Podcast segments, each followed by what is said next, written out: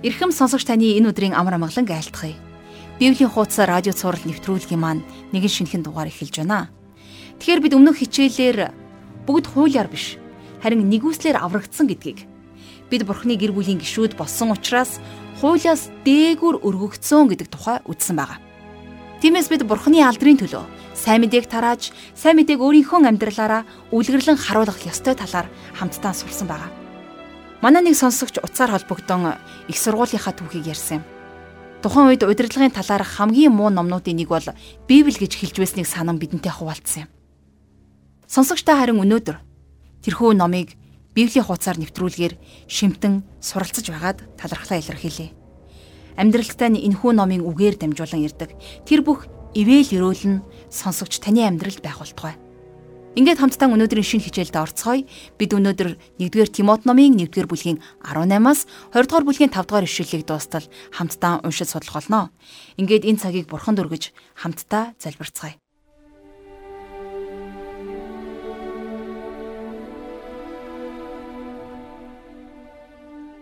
Бурхан эцэг минь, танд бүхий л алдар магтаалыг өргөе. Энэ өдөр та бидэнд өөрийн мүгээрээ дамжуулан өөрийгөө илчлэн харуулаарай бидэнд хандсан өөрийнхөө хүслүүдийг бидэнд илчилж өгөөч. Улс их орныхон төлөө, эрх баригчдынхаа төлөө, бүх хүний төлөө залбирлаа өргөдөг хүмүүс болгохын тулд их эзэм нь бидний зүрх сэтгэлд ажиллаа хийгээч.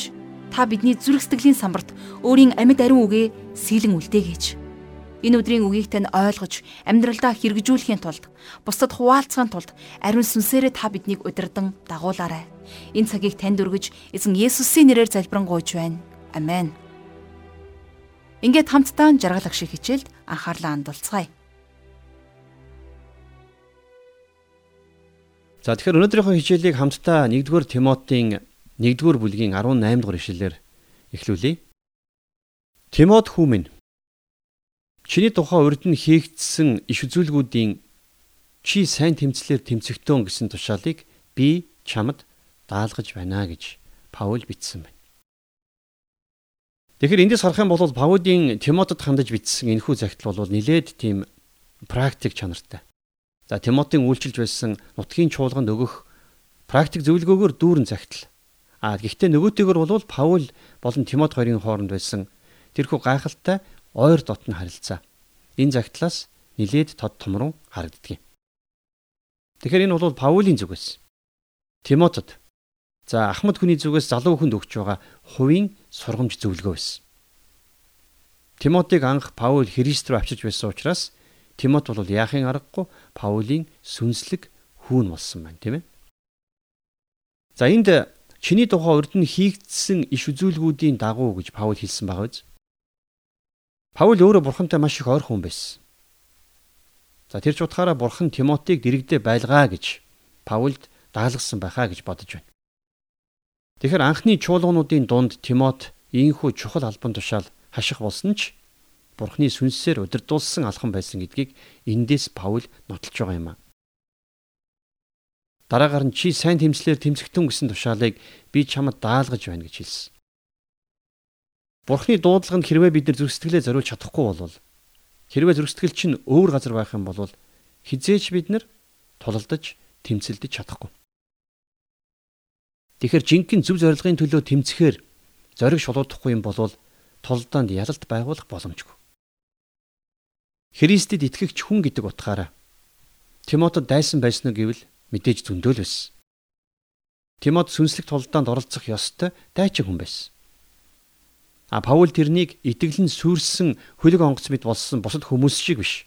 Харин итгэлийн сайн тэмцлэр тэмцээрэй гэж уриалж байсан.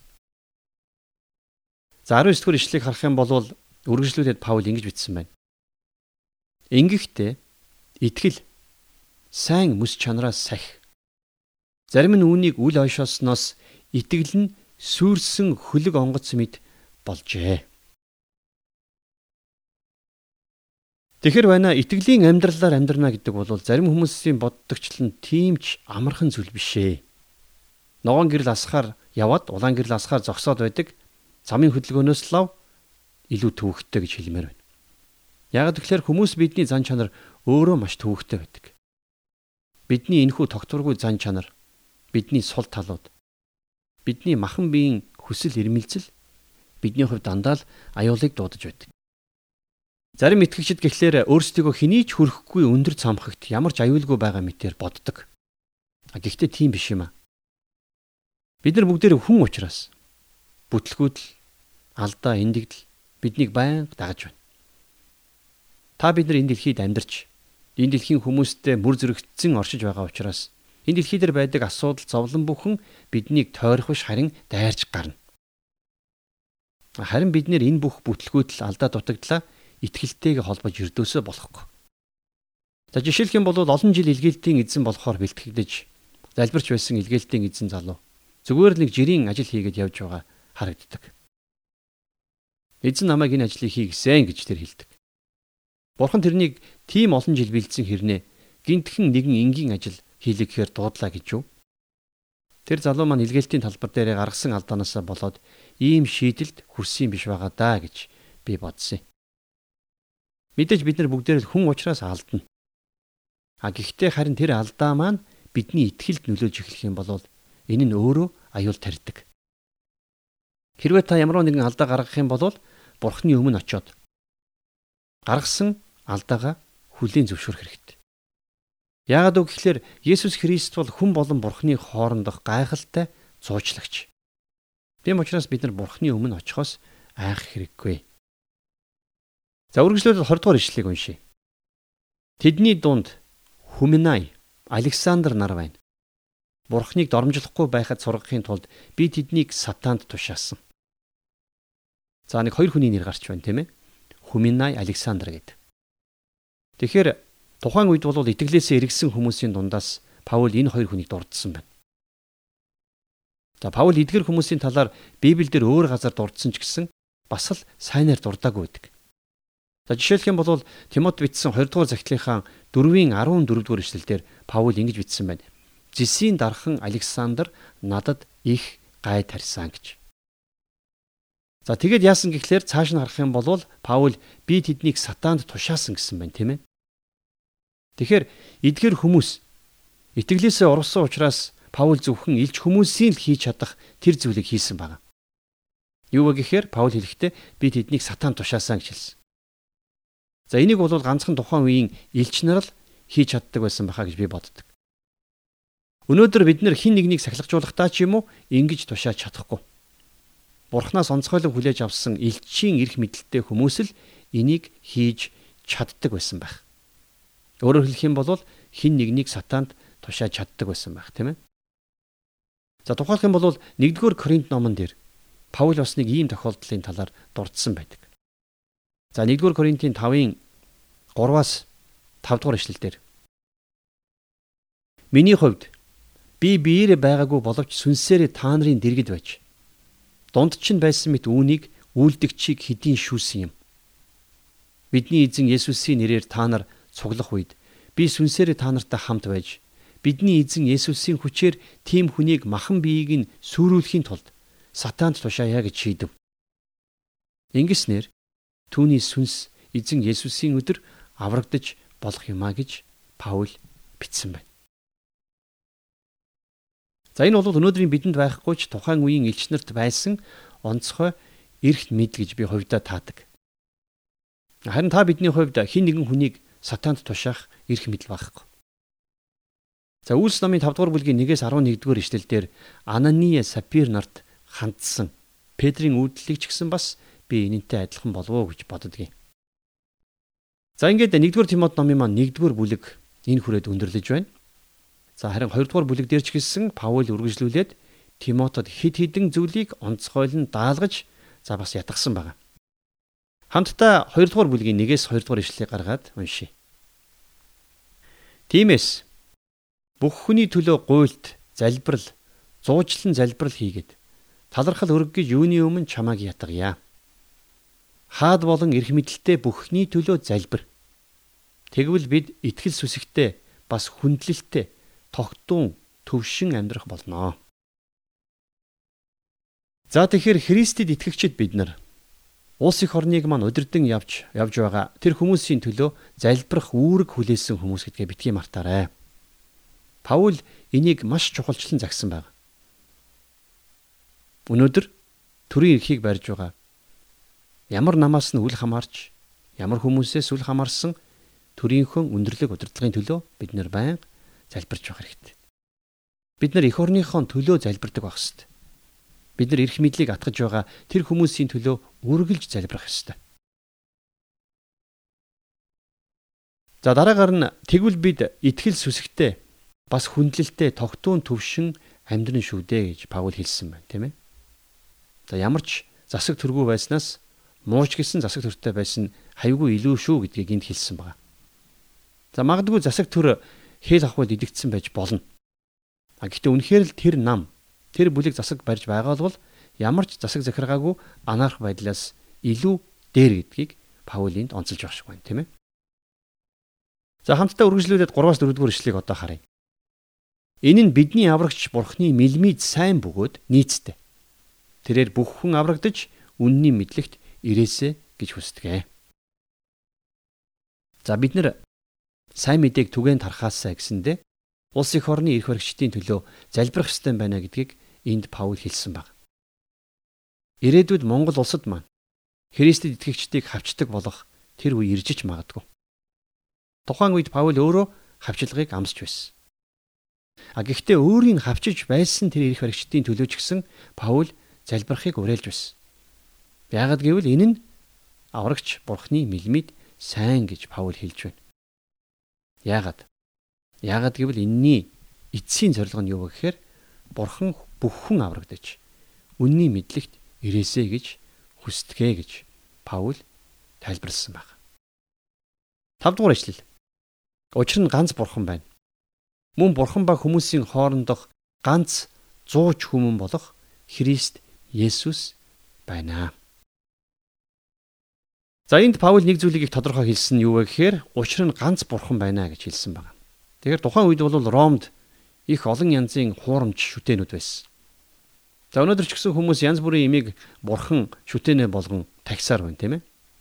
За жишээ нь зарим хүмүүсийн хувьд зугаа цэнгэл нь бараг тэдний бурхан болчиход байгаа. Тэгэхээр Паул нэг зүйлийг их тодорхой хэлсэн нь юу вэ гэхээр энэ олон худал хуурмаг шүтэнүүдийн дээр орших цор ганц бурхан байдгаа гэдгийг Паул инг дахин тунхагласан. За тэгээд зогсохгүй бурхан ба хүмүүсийн хоорондох ганц зууч хүмүүн болох Христ Есүс байна гэж Паул хэлсэн байна.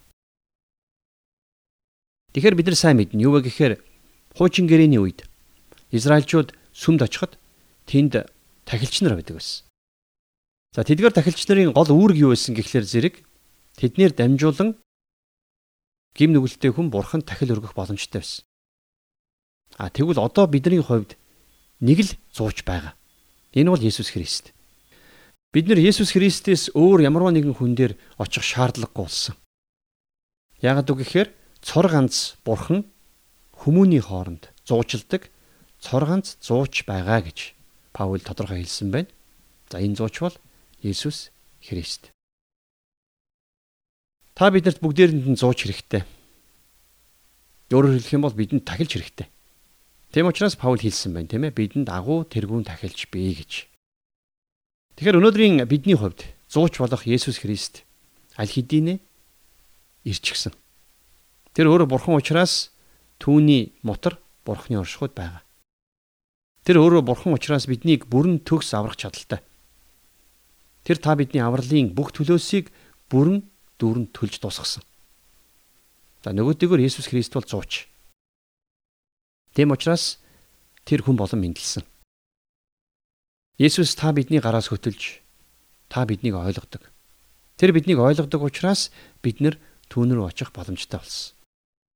Тэр биднийг сайн мэддэг учраас биднийг голж түлхэхгүй. Та бидний сул дорой байдлыг харахтаа Есүс хизээч уурлаж хэлгэнэхгүй. Магадгүй та би тоо томшгүй алдаа гаргасан. Би Бурхны уучлалыг хүлээж чадахгүй байхаа гэж бодож болох юм. Бурхан таныг сайн мэдэж байгаа. А гисэн хэдиж таныг хайрлсан, таныг тэрвэрэн авахд ямагт бэлэн байгаа. Цүл дундуур тулан явхад нь Израильчуудтай Бурхан хамт байсан. Тэд нарыг э, Кадеш Барния гэдэг газар дуулуургүй загнаж Бурхны өмнө итгэмжгүй хандсан ч гэсэн Бурхан тэднэрт "За за хангалттай та нар чадсангүй. Би та нараас залхаж байна" гэж хэлээг. Бурхан тэдэнтэй 40 жил хамт байсан тийм ээ. Бурхан зөвхөн хамт байгаа зогсохгүй Мосед заавар өгч амлагдсан газарт орох хүртэл нь тэднийг удирдсан. Тэд нарыг цүлд зовж шаналж байхад нь ч гэсэн Бурхан төвчээртэй байж тэдэнтэй хамт л байсан. Тэгвэл өнөөдөр ч гэсэн Бурхан бидэнтэй бас л ингэж ханддаг. Бурханы өмнө биднийг зуучлах гайхалтай зууж байгаа гэдгийг битгий мартаарай. Та өөрөө Есүсээр дамжин Бурхантай уулзах боломжтой учраас өөр хин нэгэн зовлонгоо ярьж хин нэгнэр дамжих шаардлагагүй. Хүмүүс бид нар бие биенээ ойлгохоос ойлгохгүй нөх байдаг шүү дээ. Харин бидний зууч болох Есүс Христ таныг сайн ойлгоно. Тэр өөрөө хүн байж үдсэн. Тэр хүн байсан учраас нэг гараа бидэн дээр тавьсан. Бид өөрсдөө түүний дээр гараа тавиагүй харин тэр өөрөө биднэр лөө гараа сонгосон. Энэ бол хамгийн гайхамшигтай. Зууч болох Есүс Христээс өөр авралт хүрэх зам гэж бидэнд үнэхээр байхгүй. Энийг тухайн үеийн шашны удирдлагчдын өмнө Петр ч хэлж байсан тийм ээ. Үйлс номын 4-р бүлгийг харах юм бол өөр хэний ч дотор аврал үгүй. Учир нь бид аврагдаж болох өөр нэр Тэнгэрийн дор хүмүүст өгөгдсөнгүй гэж Петр хэлсэн баг. Есүс Христ бол цорын ганц зам юм. Хэрвээ та бид нэр тэр зам руу эргэх юм бол тэр биднийг яг Бурхны өмнө хүргэх болно. Та бидний амьдралд нэг газараас нөгөө газарт хүргэх олон янзын замууд байдаг. Тэр замуудын дотроос зөв замыг олох гэж бид нэр төөрж бодолдог. А гэхдээ аз болоход бурханд хүргэх цорын ганц зам байгаа. Цорын ганц зууч байгаа. Тэр бол Есүс Христ. Есүс Христэл цор ганцаараа биднийг бурхны өмнө аваачиж та биднийг бурхны өмнө хамтд нь нэгтгэдэг юм а. Учир нь Есүс Христ өөрөө бурхан төдийгүй тэр өөрөө 100% хүн байсан юм а. Ингээд дараагийн хичээлээр дахин уулзъя.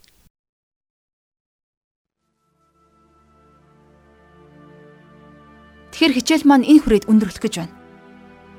Өнөө цагт гадаад улсад хүлээн авах тодорхой хаяггүйгээс болж аялах өөр улсад нэвтрэх зөвшөөрөл авч чадахгүй хүн олон байна. Зарим хүн урд хийсэн алдаа онооноос болоод эрхээ асуусан тохиолдол бий. Харин мөнхийн улсад орох боломж та бидэнд байгаа. Бид итгэлээ бат сахиж өөрсдийн алдаа дутагдлаас болж итгэлээр ганхахгүй байх ёстой. Бурхан биднийг бүх хүний төлөө тэр дундаа ирэх баригчдын төлөө залбираасаа гэж хүсдэг. Бурхан хүн хоёрын хооронд зууч болсон Есүс Христ бидэнд байгаа учраас бид хизээж Бурханы өмнө ирсэн. Бурхан биднийг гарсаагүй хүлээн авах болно. Тэрээр таныг өөрийн биеэр батлан дааж, үнийн төлж, өөрийн алдар сууг хуваалцаж байгаа билээ. Ингээд өнөөдрийн хичээлийн өндөрлөн эзний өмнө залбирах хэсэг хормыг хамтдаа гаргацгаая. Бурхан эзэн минь таньда өнөөдрийн хичээлийн төлөө талархал өргөн залбирч байна. Хүн бид өөрсдийнхөө хүчээр авралыг олох боломжгүй билээ. Тиймээс та бидний төлөө зууч болгон Есүс Христийг илгээсэн. Таны хайрын үйлчлэлийн төлөө талархлыг үргий аваа. Өдөр болгон бид гим нүгэл үйлдэж, өдөр болгон бид танаас холдон оддог. Гэхдээ эзэн минь таны бидэнд өгсөн зууч Есүс Христ байгаа учраас эзэн бид таны өмнө ирээд таны нэгүслийн хаан ширээний өмнө итгэлтэйгээр ойртон очиж таны нэрийг дуудах боломжтой болсныхоо төлөө бүхий л алдрыг өргөн танд талархал магтаалыг өргөж байна. Бурхан минь энэ өдөр ч гэсэн бид таны өмнө өөрсдийнхөө алдаа зөрчлийг өөрсдийнхөө алдаа дутагдлыг аваад дахин гимшилтэйгээр ирж байна. Эзэн бурхан минь та бидний алдаа зөрчлийг уучлан өршөөгөөч. Бидний сул дорой байдалд туслаач өдөр бүр таны үгнээс баруун тийш зүүн тийш хазайлгүй итгэмжтэй явахын тулд ариун сүнсээрээ биднийг удирдан дагуулаарай. Бүх зүйлийг танд өргөж эзэн Есүсийн нэрээр залбирanгуйж байна. Амен.